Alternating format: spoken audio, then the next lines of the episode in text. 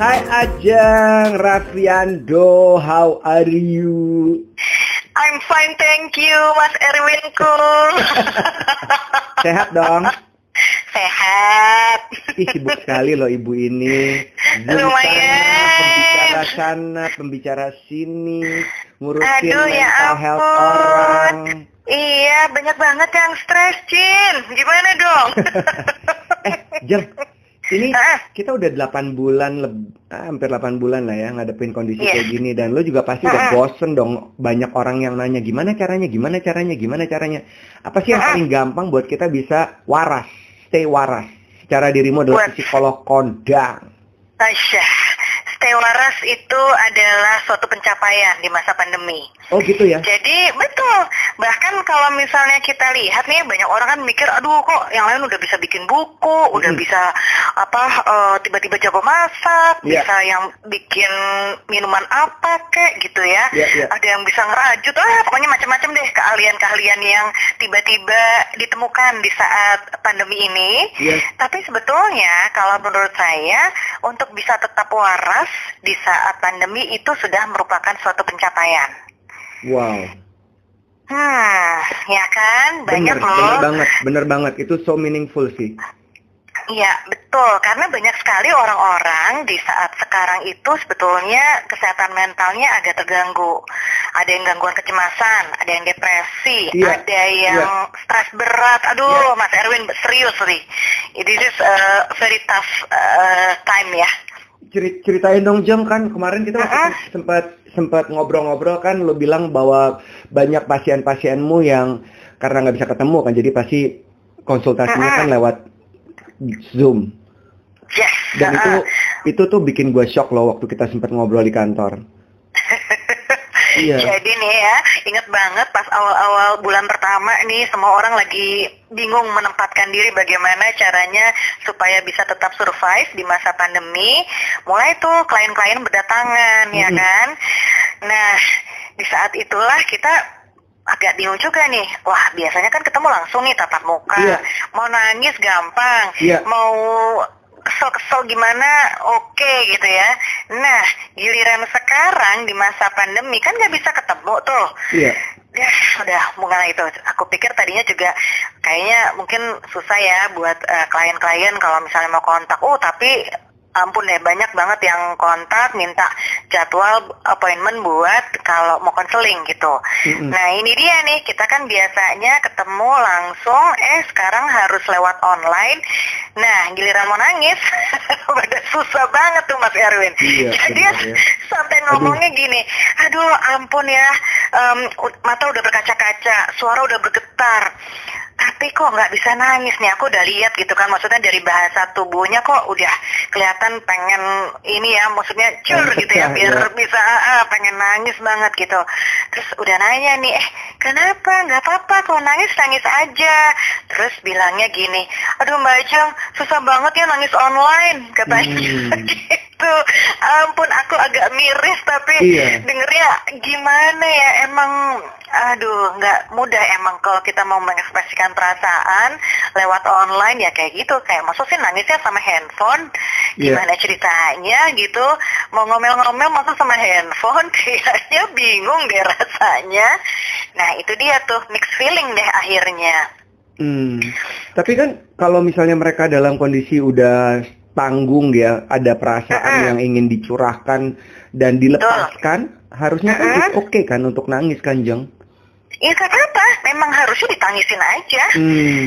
justru itu bisa jadi rilis stresnya kan Iya, gitu bisa lebih menyalurkan emosi-emosinya yang mungkin tertahan kan selama ini di rumah aja gimana nggak ketahan Betul. nah itulah ketika kita konseling harusnya itu akan jadi momen seseorang untuk bisa eh, mengekspresikan dirinya dengan lebih eh, ini ya lebih mudah lah ya harusnya gitu ya. Tapi ternyata ya dengan kendala di mana kita nangisnya sama gadget kita, Mm-mm. rasanya ya gitu ya maksudnya Iya, walaupun iya. lihat nih eh, wajah psikolognya ada Mm-mm. di sini, tetap aja Mas Erwin buat beberapa klien tuh nggak mudah untuk bisa melakukan itu. Walaupun belakangan akhirnya bisa sih gitu ya, maksudnya bisa lebih eh, apa lancar ya untuk bisa ekspresi. Cuma awal-awal sih terus terang banyak yang merasa kesulitan karena ya pasti faktor tidak terbiasa ya. Iya. Nggak gampang kan? Kita kan biasanya Betul, pasti betul. ada touch-nya, ada betul-betul kelihatan di depan gitu ya. Ekspresinya juga lancar. Belum lagi kalau misalnya biar pet biar pet wifi ya. Gimana Iya. coba? Sebenarnya kan kalau kalau diulang nangisnya. Iya, sebenarnya kan kalau kalau iya bener ya. Sebenarnya kalau dilihat kan kayak sama orang di telepon terus satu upset, terus satu bisa marah-marah, satu bisa mengekspresikan perasaannya sebenarnya kan sama aja ya. Mungkin tapi karena tidak terbiasa itu tadi yang dirimu bilang ya. Gitu kan orang biasanya lebih seneng langsung gitu kan lebih enak ya Iya. gitu. Iya. Bisa kelihatan semua loh gitu. Betul. Gak hanya body language-nya, tapi juga apa yang kita bisa misalnya nih kalau ada yang lagi upset gitu kan biasanya aku deketin gitu ya, bisa eh, agak sedikit apa ditenangkan gitu. Mm-mm. Nah si sentuhan tadi kan nggak bisa dilakukan. Iya. Gimana coba? Nah kalau misalnya ada orang-orang yang yang dengerin kita nih ngobrol, Mm-mm, terus mereka mm-mm. juga dalam posisi yang sama, what should they do? Yes. Kalau Jadi kalau misalnya nggak nggak mu- memungkinkan untuk bertanya kepada expert gitu yang dapat mengerti Mm-mm. perasaan mereka.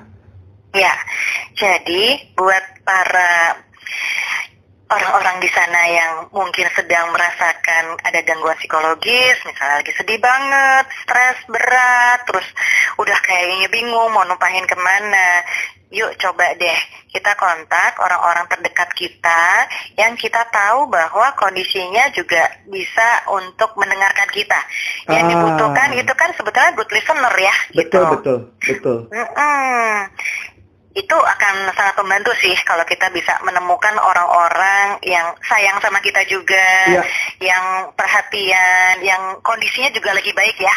Yes. Karena kalau kita curhat nih sama orang yang kondisinya sedang labil, nah itu juga jadi problem juga tuh, nggak hanya buat kitanya, tapi buat orang tersebut yang Nah. terima curahannya kita, Nah, ya ini, kan? ini ini bagus Mm-mm. banget dong Jeng karena kan nggak orang lagi galau lagi kusut lagi Mm-mm. sedih kan pengen nyurahin terus kadang-kadang mungkin mereka juga nggak bisa mencerna dengan logika yang benar ya bahwa Betul. apakah orang yang pengen gue telepon ini dia problematik sekusut gue bisa bantu gue untuk Mm-mm. jadi my shoulder to cry on atau enggak jadi Yes. itu penting banget dong ya untuk dapat ngukur orang yang kita mau curhatin itu dia dia orang yang tepat nggak buat jadi pendengar Iya. yang baik Betul.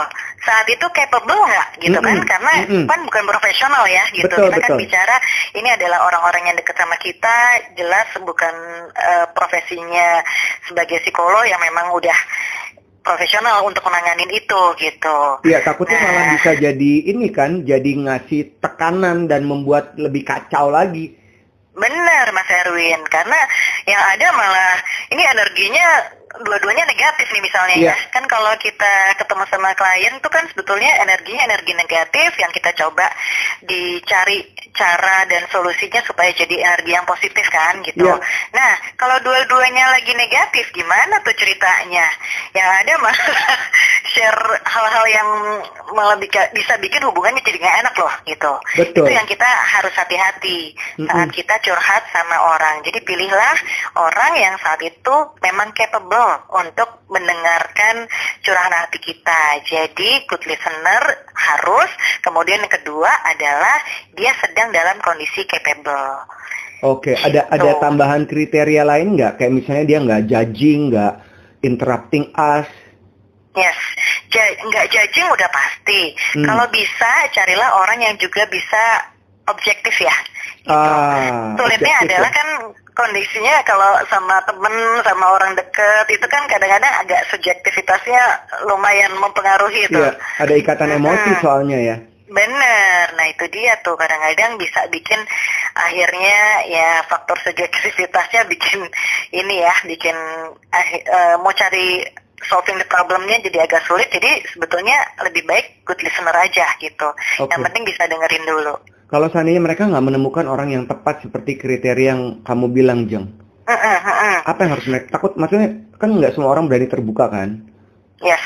Mm-mm. Dia, dia ngelihat di sekelilingnya nggak ada, misalnya nggak nemuin tuh tiga kriteria itu ya. Mereka yang punya listening skills yang bagus, terus dapat sangat objektif, bisa jadi shoulder to cry on yang bener dan saat Ya. itu dia dalam kondisi yang oke juga, relevan gitu. Ada pelampiasan ada pelampiasan lain nggak yang bisa nih? Harus coba dicari cara dengan kita eh, kalau memang nggak ada orang yang, yang seperti Iya. itu ya, yang capable begitu ya, Iya. berarti kita bisa melihat kemungkinannya apakah kita bi- bisa bikin itu dalam bentuk tulisan itu juga membantu sih, Oh, eh, Mas? Erwin. Ah, ah, jadi kayak Wow. bikin journaling gitu loh. Iya, iya, Kayak iya. kita nulis diary ini kalau ah, zaman betul, dulu betul, kita betul. kan ya bikin diary. Iya, katakan Nah. si boy. Ah, oh, Ada nah. Emon mondar mandir di sana. itu lumayan loh Mas Erwin. Kalau misalnya nggak punya orang-orang yang capable, ya udah kita coba tuliskan apa yang kita rasakan saat itu dan memang melalui tulisan itu kita bisa lebih banyak mengekspresikan perasaan. Karena kalau bisa ditulis ya pakai tangan, Iya. bukan diketik. Nah, Apa bedanya? Bedanya kalau misalnya ditulis pakai tangan itu emosi-emosi kita itu bisa tersalurkan dengan lebih gimana ya kalau ngetik kan tek tek tek tek aja gitu ya Betul. maksudnya Cepet. ini kalau mm-mm, kalau kita nulis pakai tangan itu misalnya nih kondisinya dia lagi sedih banget atau susah banget nah itu pas waktu dia nulisin itu kadang-kadang dia bisa nekan tuh apa eh, ada penekanan saat menuliskan Ah. Nah, itu akan bisa sedikit menyalurkan emosi-emosinya tadi dibandingkan dengan kita cuman ketik ya gitu. Hmm. Ta- Tapi kan memang bisa dong manusia itu bisa bisa menyelesaikan masalahnya sendiri pada umumnya kan Jeng? Iya dong, harusnya bisa gitu. Tapi kan kalau kita lagi dihimpit banyak masalah, Mas Erwin, Nah. kadang-kadang kita jadi nggak apa ya kayak kedua kepepet tembok kan gitu ya. Maksudnya iya, iya, iya. udah nggak tahu lagi mau jalan keluarnya lewat mana gitu. Iya. Akhirnya em, apa kayaknya udah betul-betul udah nothing to do aja gitu kan udah gimana sih? Kita harus solving the problemnya. Kayaknya semuanya serba menekan. Nggak ada jalan keluar. Terus kayaknya aduh sama si A susah deh sama si B. Ah udah deh. Campur aduk tuh kalau misalnya kita dalam posisi kayak begitu. Dan jangan lupa nih faktor ketahanan mental kan juga pengaruh. Iya. Mm-mm. menyangkut banyak hal sih. Terus terang eh, di masa pandemi ini aku ketemu juga dengan banyak kasus di mana waktu ketemu orangnya aja ya maksudnya secara online gitu ya Mm. nggak nyangka loh gitu terutama em, orang-orang yang kita pikir ya ampun sampai yang sekelas dia aja nih Oh, udah gitu. udah sampai breakdown loh gitu yang kita Oh. lihat orangnya kuat banget Iya, iya. tangguh gitu dan apa kayaknya udah badainya kayaknya harusnya dari dulu udah ini deh bolak-balik kali tuh badai gitu ya. Nah hal-hal kayak gini tuh memang kita nggak bisa prediksi ya kalau terkait dengan si gangguan kesehatan mental. Banyak orang saat ini fokus tuh pasti sama kesehatan fisik. Lupa bahwa ya namanya kita manusia antara fisik dan psikologis seseorang itu kan saling mempengaruhi. Iya betul, betul banget setuju. Mm, Terus gimana caranya Jeng kita punya kita punya kita punya ketahanan atau kesehatan mental yang baik? Nah, kalau kita Ki- Kita bicara lupain COVID ya Kita lupain Ken- semua problem yang saat ini ada nih. Anggap aja Ah, ah. sekarang semua orang yang dengerin kita ngobrol nggak punya masalah. Terus sekarang Nggak punya kita masalah. misalnya misalnya Oh, nggak nggak ada yang dipikirin, nggak ada yang Ah, ah. mengganggu, nggak ada yang Mm-mm. membuat resah atau membuat stres bahkan sampai dilema atau bisa dibilang mental breakdown. Anggap aja Ah, ah. semua orang misalnya sekarang terlahir baru, terus mereka mau mulai agar punya ketahanan dan kesehatan mental. Iya. Jadi nih, kalau kita bicara eh, kalau di psikologi nih Mas Erwin, yang lagi ngetop itu namanya resiliensi. Oke. Kenapa demikian? Bahkan nih untuk anak-anak yang masih kecil pun kita upayakan supaya dia bisa mengasah resiliensinya. Resiliensi itu yang dimaksud adalah ketangguhan. Kenapa itu penting? Karena memang yang namanya manusia tentunya kan pasti akan mengalami eh, naik turunnya kehidupan ya. Maksudnya betul. gini deh, bahkan dari kecil aja deh. Kita waktu belajar jalan itu kan pasti pernah ngerasain jatuh dong. Mm-mm. Masa sih enggak gitu ya. Tetap pasti ada tuh fa- Iya. faktor-faktor di mana kita ngerasain, aduh kok jatuh nih gitu. Anak kecil aja udah Iya. udah bisa kayak begitu. Kemudian ketika kita masuk di dalam kondisi eh, apa namanya makin dewasa kan tentunya tantangannya makin banyak ya gitu. Iya. Tapi kan ada kondisi juga saat kita semuanya dipermudah. Makanya banyak yang bilang katanya nih generasi eh, kalau kita kan X ya, Yes. Mas Erwin X kan? X dong, X si bener. X. Bukan baby boomers lo ajeng awas ya lo. Enggak dong, kita kan X ya gitu. X banget. Kita break dance, kita break dance. kita break. Komponya di ini di di pundak. kita lintas melawai gitu. Bener, LM. Jadi nih generasi antar generasi aja udah beda dong. Iya. Kalau misalnya di, di talking kan juga pasti ngomongin tuh mengenai perbedaan antar generasi. Yes. Nah ketangguhannya tuh ternyata juga beda. Oh, Ketika gitu semuanya ya. dipermudah nih Mas Erwin. Kalau kita lihat kan generasi X tuh lumayan tuh masih Iya. sulit ya. Tapi paling sulit mungkin baby boomers ya. Eh, Iya. Kita lihat kondisinya Baby boomers ke milenial itu pecah. Pecah sebagai orang yang usaha banget kerja keras adalah Iya. kunci gitu kan Iya, iya, iya. beda loh sama generasi sekarang kan pikir ngapain harus kerja keras Betul. banget gitu kan Semuanya sementara sementara buat si baby boomers gila kok Mm-mm. gitu amat gitu Iya. dulu harus begini harus Iya. begitu nah Kebayang nggak secara psikologis itu sebetulnya sangat berpengaruh terhadap kejiwaan Oh. seseorang kan kalau dulu susah jadi kita terbiasa susah dong Betul. gitu Betul, susah betul. lagi juga nggak apa-apa dong gitu Iya. namanya juga dari dulu susah Cin gitu Iya. Iya. kalau sekarang ya ampun kayaknya susah dikit udah pada Duh, susah amat sih gitu. Betul. Banyak ngeluh, banyak em, apa namanya kondisi-kondisi di mana kayaknya ya ampun cuman gitu doang kenapa sih dikeluhin gitu. Kalau buat yang X sama si baby boomer ya Iya. gitu ya. Iya. Kayaknya kita agak-agak gemes juga sih gitu ya lihatnya. Mm-mm. Kenapa sih mesti dikeluhin itu mah apa gacil ya kalau zaman dulu gampang Iya. gitu.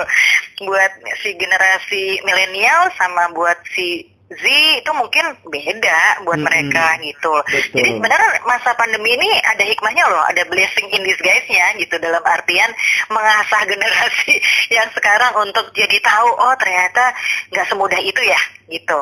Walaupun kalau buat generasi baby boomers mungkin mikirnya ya itu mah masih enak nih. Sekarang kita perang tapi ada listrik, ada teknologi, ada semuanya gitu. Cuma tinggal patuhi protokol kesehatan aja kan Iya. gitu. Iya. Tapi kalau buat generasi X, buat eh sorry bukan generasi X ya, generasi Y. Y, sama Z mungkin Iya. beda dong gitu pandangannya mengenai eh, kondisi saat ini gitu. Hmm. Tapi nggak nutup kemungkinan sih generasi-generasi di atasnya termasuk kita nih yang si Iya. X sama si baby boomer itu juga ngalamin kesulitan karena udah terbiasa nih dengan kondisi di mana semuanya serba mudah. Yes. Itu ceritanya, makanya eh, bikin orang-orang tuh kadang rasanya, duh kok gitu amat sih gitu. Eh, apa namanya? Apakah memang em, si resiliensi ini penting? Kalau menurut saya sih penting banget, gitu. Karena Hmm. ya dalam hidup pasti kan ada naik turunnya kondisi dan situasi. Bahkan kalau bicara pandemi itu ada namanya quarantine life emotional journey-nya gitu. Di mana ya udah naik turun dari yang tadinya shock terus tiba-tiba oh oke nih kita kerja dari rumah kayaknya seneng ya pas awal ya terus mulai tuh muncul ada rasa-rasa kecemasan ada paniknya lama-lama juga frustasi kelamaan di rumah Iya. coba deh buat yang ekstrovert tuh Iya. terasa banget nih nih Betul. yang dapat energi dari orang-orang yang di sekitarnya gitu ya ketemu orang itu dapat energi nah nggak ketemu orang gimana tuh si Iya. ekstrovert ya kan Ya, jadi kayak Nah. memang benar-benar roller coaster, ya up and down itu ya. betul yang terjadi seperti itu dan pada akhirnya kalau kita nggak menjaga si kesehatan mental kita yang mencakup bahwa kita tuh harus paham bahwa ini kalau kita stres tuh gimana sih cara nanganinnya mungkin nih kalau aku sih eh, lagi stres dulu ya udah deh nanti jalan-jalan deh ke mana traveling Hmm. gitu ya. Ya. Mas Erwin kayaknya juga sama nih tipenya kayak aku juga. Bener, kalau stres Doyan mah kabur. jalan-jalan banget gitu kan ya. Langsung. Ya ampun, terus tiba-tiba sekarang nggak boleh keluar rumah gitu. Iya. Ke- dibatasin banget, mau cuman paling ke supermarket, ke pasar gitu ya. Pergi Parno, kayaknya. pergi jauh Eh, Parno. Tapi pergi Ya. juga cemas, deg-degan. Aduh, Iya. ini orang-orang pada ini nggak ya, sehat Yes. nggak ya? Nah, Yes. OTG nggak ya? Eh, Iya. eh, eh, pusing Iya. amat mau keluar gitu kan? Mm-mm. Nah, pada akhirnya kan akan memicu kecemasan, akan memicu kemampuan kita mengelola emosi itu bisa menurun loh. Mm-mm. Banyak loh orang-orang sekarang jadi senggol bacok banget, Iya. sensi lah gitu, baperan banget. Kenapa? Jadi, jadi Jam, kalau Ya, kalau kalau ak- kalau gue lihat ya ada orang yang justru bahkan bahkan from the other side ya, the other side of the coin. Yes. Ada orang yang Mm-mm. bisa lebih lebih kalem, tapi ada orang yang memang itu tadi tuh senggol bacok yang lo bilang. Iya. During COVID tuh ada yang kemudian tiba-tiba menjadi lebih soulful. Ya. Mm-mm. Tapi the other side of the coin ada yang sangat senggol bacok. Mm-mm. Benar. Tapi yang gangguan kecemasannya meningkat juga banyak loh, Mas Erwin. Ah. Banyak banget. Oh, oh.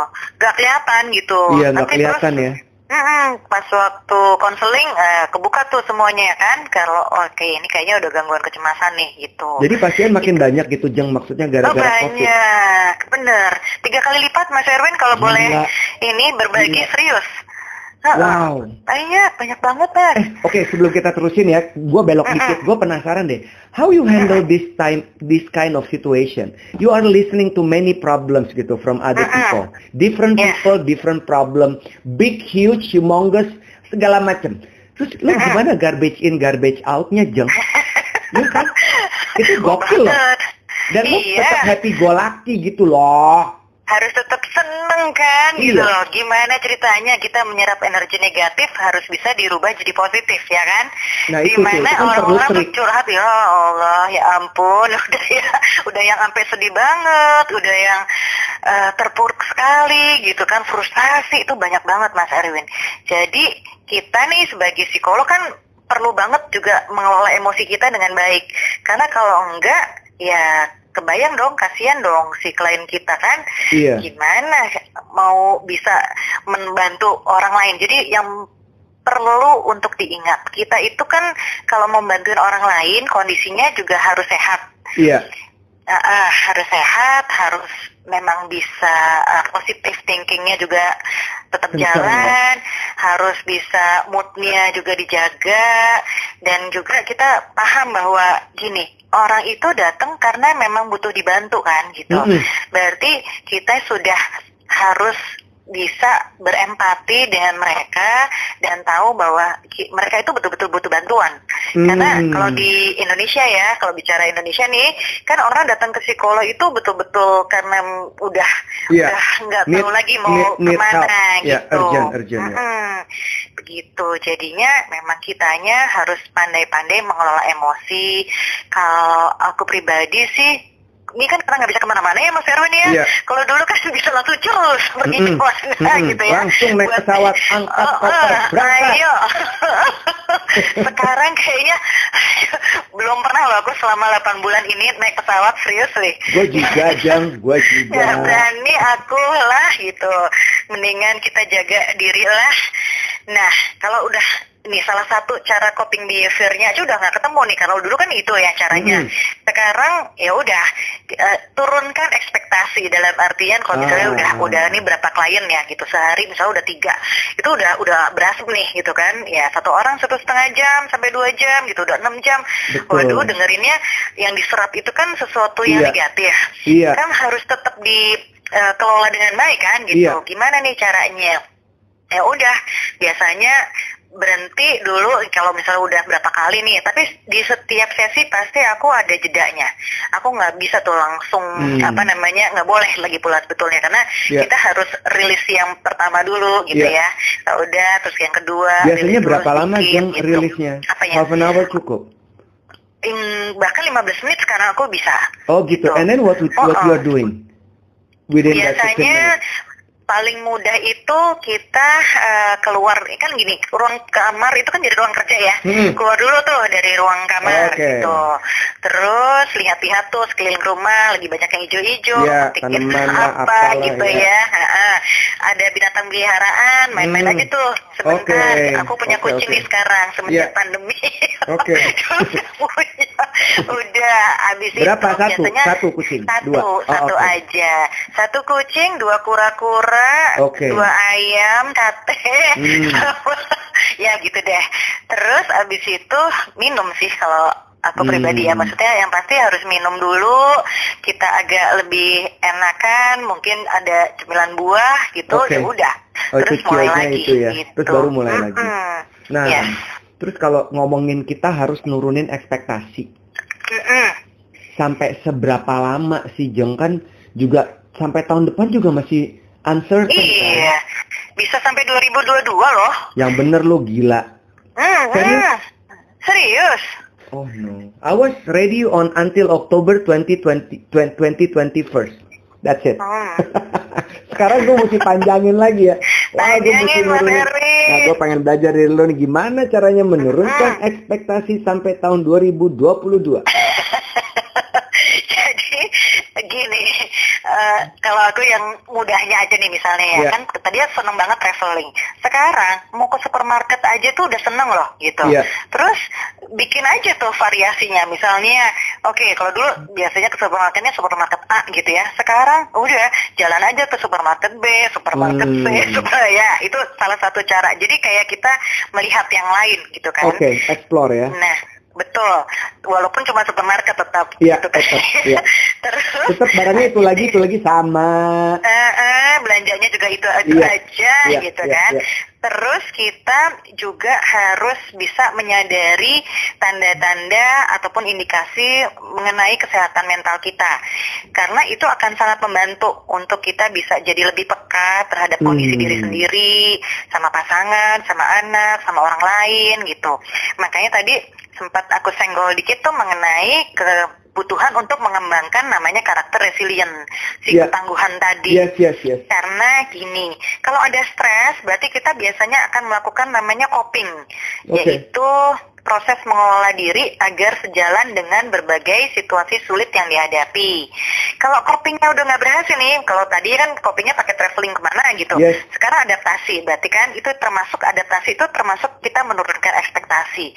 Adaptasinya dengan misalnya yang tadi aku contohin sama harus dipahami kalau adaptasi itu berarti kita proses mengubah sesuatu agar sesuai dengan berbagai kondisi yang berlainan Hmm. gitu. Jadi kan kondisinya beda nih sama Iya. dulu dong ya sebelum pandemi gitu.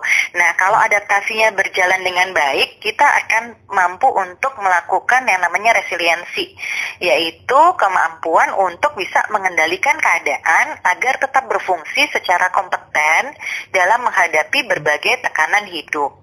Nah, Iya.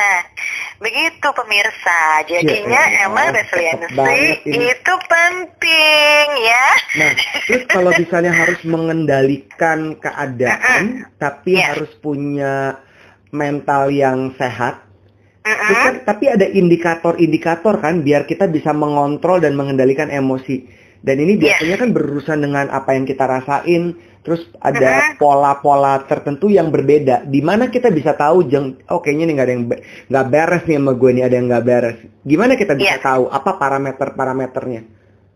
Jadi yang paling utama kita harus take care of ourselves. Banyak orang itu karena sibuknya apalagi ya kalau di rumah sekarang ya. Terutama Iya. nih pasti yang jejeritan tuh ibu-ibunya nih. Mama-mamanya ini udah kadang udah haredang-haredang ya Iya. dengan kondisi kayak gini. Iya. Itu biasanya kita jadi nggak peduli ataupun bukan yang nggak peduli ya istilahnya jadi kurang peduli dengan kondisi kita karena sibuk harus take care orang lain di Betul. sekitar kita nah jadi pay attention to your own needs and feelings itu penting Ah. sekali Mm-mm. Pay attention to your needs and feelings. to your own needs and feelings ya Oh, our own needs. Kebutuhan Iya. kita sendiri. kita heeh. kan Oke. kebanyakan fokusnya gini Oke, oke, aduh oke. anak-anak belum makan Iya. suami eh, butuh ini nah lo jungkir balik deh itu di rumah kan Betul. juggling aja lagi terus gitu tapi lupa eh jangan-jangan dari tadi justru aku nih yang belum makan gitu Iya. justru aku nih yang ternyata kelelahan terus misalnya lihat kok marah-marah eh ntar dulu jangan-jangan kita yang marah-marah loh bukan bukan suami bukan anak bukan istri nah itu Iya. dia Iya, tuh iya, iya. Jadi membangun awareness sebenarnya ya, Jeng. Betul. Jadi self awareness tentang diri sendiri itu menjadi sangat penting di saat kondisi seperti sekarang. Karena kalau kita lihat nih, resilience itu kan namanya juga tangguh ya. Yes. Berarti harus bisa menyesuaikan diri terhadap perubahan. Kemudian menetapkan tujuan yang realistis. Kalau Hmm, dulu kan mungkin wah iya. dulu nih eh, apa tadi kayak Mas Erwin nyinggung mengenai udah disiapin nih sampai 2021 Oktober gitu. Oke. Nah, kan kita lihat kondisinya up and down ya gitu. Betul. Belum tentu nih kita Betul, betul. bicara PSBB aja, kadang-kadang PSBB total lah, tiba-tiba transisi lah, tiba-tiba Panjangin apa lagi. Eh, oh, nggak jelas kan Iya, jadinya iya, iya. situasi dan kondisi itu sangat berubah dengan cepat gitu. Akhirnya, apakah kita sudah menetapkan tujuan yang realistis? Karena kalau enggak, biasanya jadi muncul tuh frustasinya, Hmm. kecewanya, sedihnya, nyeseknya itu dia yang akan pada akhirnya membuat secara kesehatan mental jangan-jangan kita udah mulai terganggu loh gitu.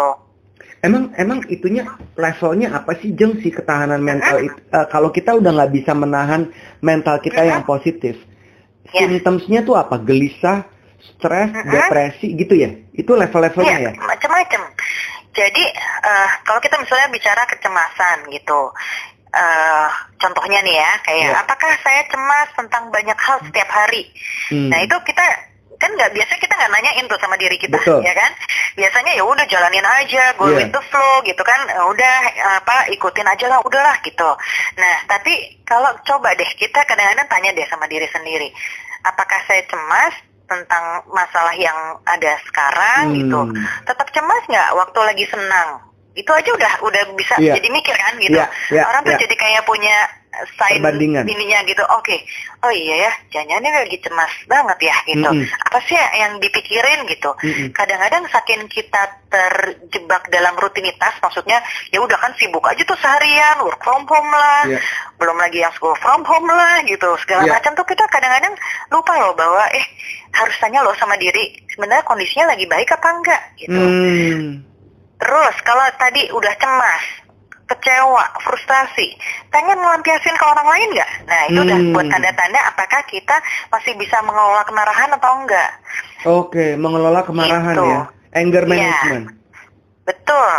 Hmm. Nah ada hal kecil nggak yang bikin jadi tiba-tiba Trigger. marah Iya, gitu? iya, Heeh. iya. Jadi Ketika lebay. berkonflik gitu, misalnya sama orang, terus kayaknya udah pengen ini aja nih, Tampol. mengatakan sesuatu yang Mm-mm. akhirnya nanti pas udahan nyesel gitu. Iya. Ya ampun, kenapa sih tadi ngomong kayak gitu? Padahal Iya. kan cuman kayak, aduh ampun deh, Mm-mm. gitu.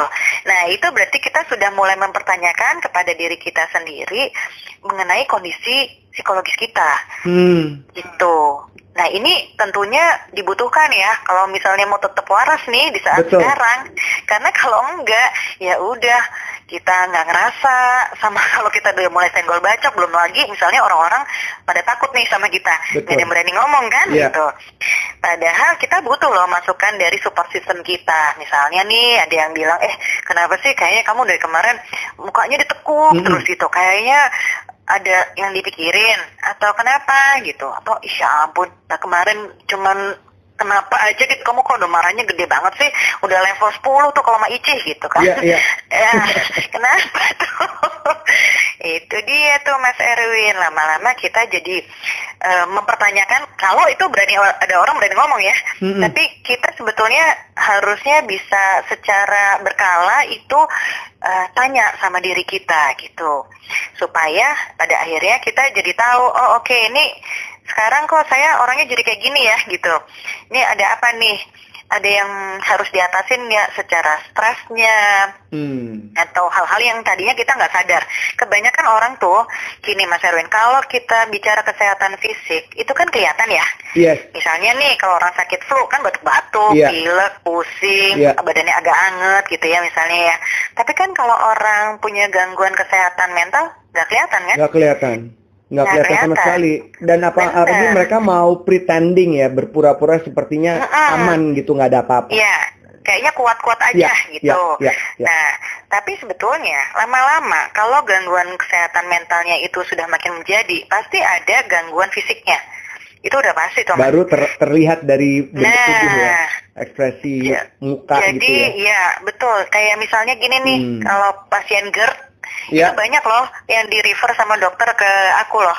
Oh gitu, Karena- padahal ini asam lambung, Betul, asam lambung itu sangat terkait sama stres. stres. Ah. Ah, Gitu. Itu biasanya gitu. udah ketahuan tuh kalau misalnya ah ini nih gitu, misalnya ada dokter bilang, "Jeng, nih klien buat lo aja." gitu. Kenapa? gitu. Ah, mau diapain juga nggak bakal sembuh deh kalau misalnya stresnya nggak diatasin. Nah, itu Iya. dia tuh tandanya sudah mempengaruhi fisik. Misalnya nih jadi susah tidur, insomnia. Nah, Iya. itu juga salah satu tanda sebetulnya eh, psikisnya tuh udah udah jerit nih gitu. Iya. Akhirnya baru ketahuan waktu tanda-tanda kebuhannya mulai bicara gitu. Kita jadi perlu me time dong sebenarnya bagian dari relaksasi. Bener, me time itu jadi salah satu cara untuk ngatasin stres. Kayak tiap hari Nah, harus punya nggak me time? Kenapa? Sorry Kayak- mas. kayak- kayak tiap hari harus punya me time nggak? Sebetulnya kalau mau bisa baterainya keisi harusnya tiap hari punya me time ya. Hmm. Mm-mm, kita kan nih seharian punya aktivitas banyak. Iya. Nah, kadangkala lupa ngisi tuh si baterainya kita. Iya. Nggak di charge, padahal handphone aja di charge ya gitu Betul, kan. betul, nah, eh, itunya yang kadang-kadang buat orang tuh suka komplain tuh Mas Erwin kalau aku ngomongin ini gitu. Mbak Ajeng gimana sih me time, me time? Gimana kapan sempet ya saya punya me time gitu kan? Nah, Kalau gue sih ya bilangnya maksudnya semua orang di dunia ini dikasih waktu 24 jam sama, nggak ada yang kurang, nggak ada yang lebih. It's a matter how you organize your schedule saja sebenarnya kan? Betul. Tapi kan ada orang yang tipenya gini Mas Erwin, misalnya nih sama suami, sama anak, sama istri gitu dia kayaknya ini banget ya, maksudnya Into em, yes gitu. Jadinya eh, dipenuhin dulu yang lain Hmm. gitu. Nanti gi- diri giliran dirinya belakangan Iya, iya, gitu. iya, iya, iya, ngerti. Padahal kalau misalnya dia nggak mengisi itu kan pada akhirnya dia akan kelelahan dong gitu Betul. akan stres juga akhirnya nggak bisa juga kita eh, bantu orang lain gitu Hmm. itu yang kayak misalnya gini deh kita kalau naik pesawat terbang kalau keadaannya lagi kritis Iya. terus ada masker udara itu turun yang disuruh pakai siapa duluan kan kita duluan Yes, ya yes, yes. nah itu dia contoh yang paling nyata mengenai ya kita harus tolong diri kita dulu supaya kita bisa bantu orang lain Mm-mm. itu dia tuh yang kadang-kadang orang suka nggak sadar Mas Erwin jadi dia sibuk bantuin orang lain Iya, iya, dia iya, sibuk iya, untuk apa eh, jadi kayak pengen jadi kayak super ya maksudnya Hmm. Eh, semuanya pengen ditanganin sendiri nah itu tuh yang biasanya bikin akhirnya kayaknya nggak punya me time deh mbak gitu padahal menurut saya sih semua orang pasti bisa kok meluangkan waktu Iya. cuman misalnya 15 menit Betul, betul banget. kita masuk kamar aja tutup dulu terus dengerin lagu aja Iya, sebentar gitu iya, iya. itu kan gampang gitu Betul. Mm-mm. tinggal mau apa enggak ya Yes, it's about mau apa enggak, willingness aja sebenarnya. Bener Nah, kalau kita udah punya itu semua, kita Mm-mm. bisa lebih happy dan lebih apa ya, bisa dibilang lebih realistis ya, Jeng. betul lebih realistis terus bisa juga jadi bersyukur ya kalau menurut Hmm. saya sih makin kita lihat ke banyak hal yang terjadi sekarang untuk bisa bersyukur tuh sebetulnya bisa lebih terasa ya gitu karena kan kondisinya tidak dalam kondisi yang ideal Iya. apakah kita sanggup untuk bisa mengikhlaskan itu juga gitu Mm-mm. bahwa oke nih misalnya nih tadi kan kalau bisa bicara target nih orang marketing gitu kan aduh gimana ya begini begini gitu ya terus coba deh sekarang mau apa pun goal kita tujuan kita udah realistis belum dengan kondisi sekarang gitu karena kadang-kadang kan ya apa mau dikata ya nggak bisa kok sekarang gitu mau dipaksain kalau nggak bisa juga Iya. mau terima apa enggak Betul, gitu. betul, Mm, betul banget. Itu maksudnya kan harusnya semua orang bisa berpikir sampai ke sana ya, bener. mengatasi Sama- situasi yang kita hadapi saat ini gitu. Iya, kadang-kadang orang tuh kaku ya Mas Erwin ya, Iya. nggak luwes gitu. Iya, betul. Harusnya ya Kurang udah agile. kita eh, agile, eh, ya. harus harus ini loh, harus bisa menyesuaikan diri dengan cepat, bangkit waktu lagi terpuruk, karena ya pasti kan ada episodenya tuh kita Mm-mm. jatuh lagi gitu iya, ya. iya, iya.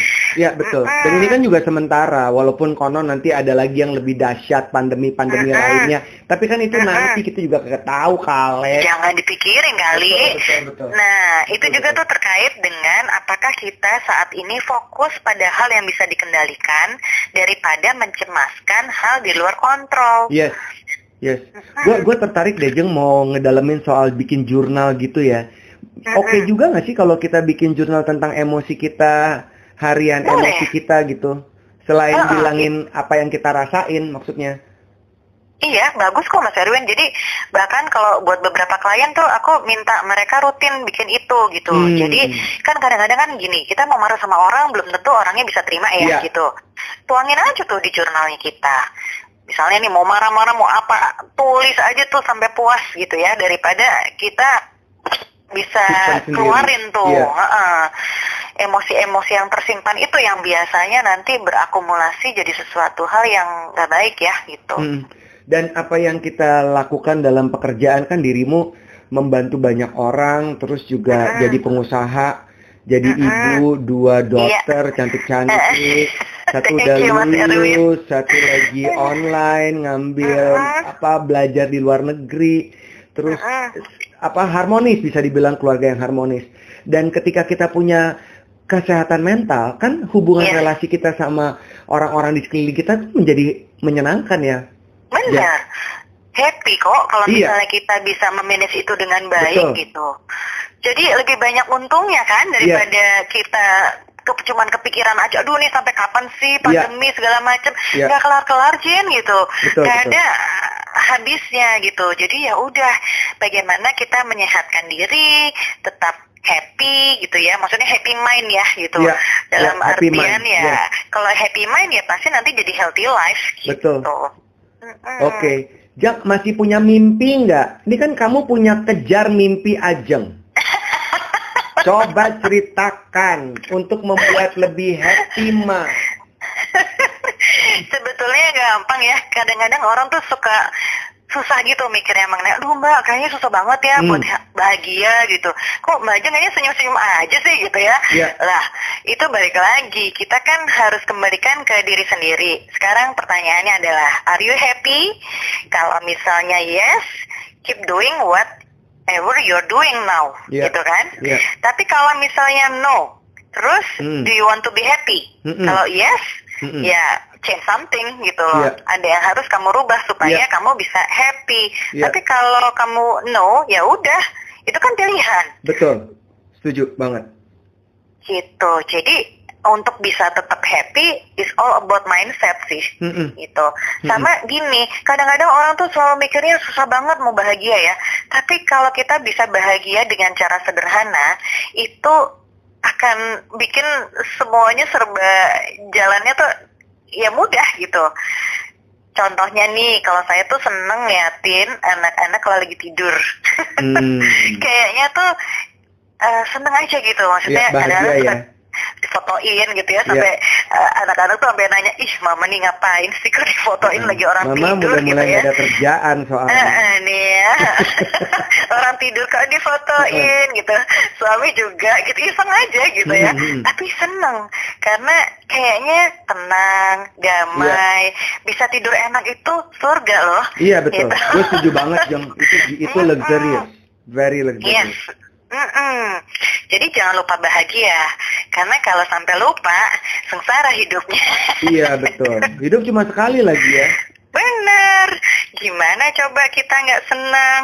Harus bisa juga eh, apa ya? Karena banyak orang tuh pasti nanya, gimana sih kok gampang banget buat senyum? Nah, senyum itu Mm-mm. salah satu cara loh. Iya. Senyum itu kan mengaktifkan hormon-hormon di dalam diri kita walaupun saat itu misalnya kita juga lagi sedih nih. Iya. Tapi coba deh senyum. Senyum itu obat loh gitu.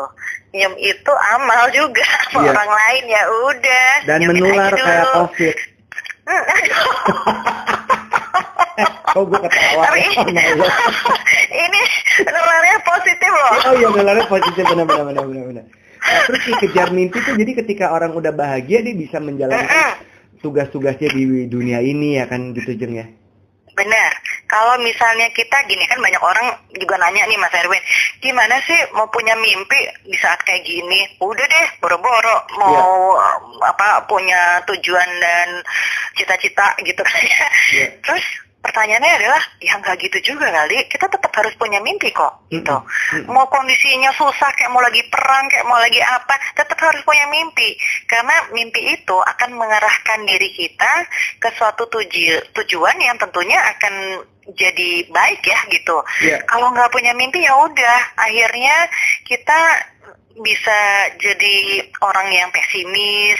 Kita nggak punya apa ya sesuatu hal yang ingin kita raih itu kan apa apa sih gitu hidup yeah. itu buat yeah. apa sih gitu yeah. jadi tanyakan mengenai makna hidup kita pada diri sendiri udah mindfulness belum sih gitu apakah selama ini kita jalanin hidup itu dengan cara seperti apa sih gitu hmm. pada akhirnya kita kan jadi bertanya lagi analisa diri lagi coba aja lihat deh gitu. Maksudnya apakah selama ini kita memang menjalani hidup dengan apa yang betul-betul kita inginkan gitu. Hmm. Hmm. Gitu. Jadi Dan harus kita bisa bertumbuh ya. mimpi dong. Ya kan nggak bisa lah masa. Jadi terus tiba-tiba aduh ada pandemi nggak mau mimpi tidur aja. Iya. Nah, itu namanya pasrah. Nggak punya itu ya ketahanan ketangguhan. Betul. Jadi ya nggak bisa. Tetap harus kejar mimpi. Harus kita juga bisa menginspirasi orang lain. Bagaimana kita juga bisa menempatkan diri sesuai dengan situasi dan kondisinya. Pada akhirnya toh semuanya akan bisa bermanfaat bukan hanya buat diri kita tapi juga buat orang lain. Iya dan dan ketika kita sudah terbuka pikiran uh -huh. kita, mental kita bisa mengendalikan uh -huh. emosi kita, kita bisa membangun kembali mimpi-mimpi kita, kita jadi orang yang lebih realistis, otomatis kita akan terus bertumbuh. Betul. Makin happy juga. Iya, Jadi dan kalau makin orang happy, cari-cari iya, makin apa happy. kebahagiaan itu ada di mana ya kebahagiaan itu dari dalam diri loh. Iya, dan dan mulailah dengan mengapresiasi hal-hal yang kecil di lingkungan hidup kita kan. Yang tadi Betul. lo bilang tuh kan lo ngeliatin uh -uh. anak bobo lo happy, uh -uh foto iya. gitu kan itu kan uh -uh. adalah small happiness yang akan membuat happy happiness lebih gede lagi dalam hidup kita Iya benar banget Mas Erwin Hmm. Ya, ya, seru banget kita obrolannya hari ini. Iya, terus satu lagi mau nanya, bisnis tetap jalan nggak? Bisnis tetap. Jalan ya? Jalan, tapi memang ya balik lagi realistis. Hmm dalam artian ya udah Jadi apa sih bikin apa, tas gitu. apa gitu kan jeng apa ya betul ya? Bikin boneka. Oh boneka oh iya sorry boneka. Mm -mm, Oke okay, bikin jadi, boneka. Sekarang kondisinya tetap jalan tapi walaupun nggak secepat sebelumnya. Betul. Kalau misalnya bicara um, quantity jelas sangat turun yeah, ya karena yeah, kan ya, nggak yeah, ada event, nggak yes. ada uh, promo-promo apa yeah, gitu ya. Yeah, yeah. Tapi ya we have to survive gimana gitu Betul. kan. Mau nggak mau, mindful itu tadi ya. Iya. Yeah. Oke Ajeng, terima kasih Jeng Jeng Jeng, keren banget ngobrol-ngobrolnya. Sampai jumpa di online. Siap. Bye bye. Bye bye. Thank you. Tetap sehat yeah, dan you too. hati. Yeah, bye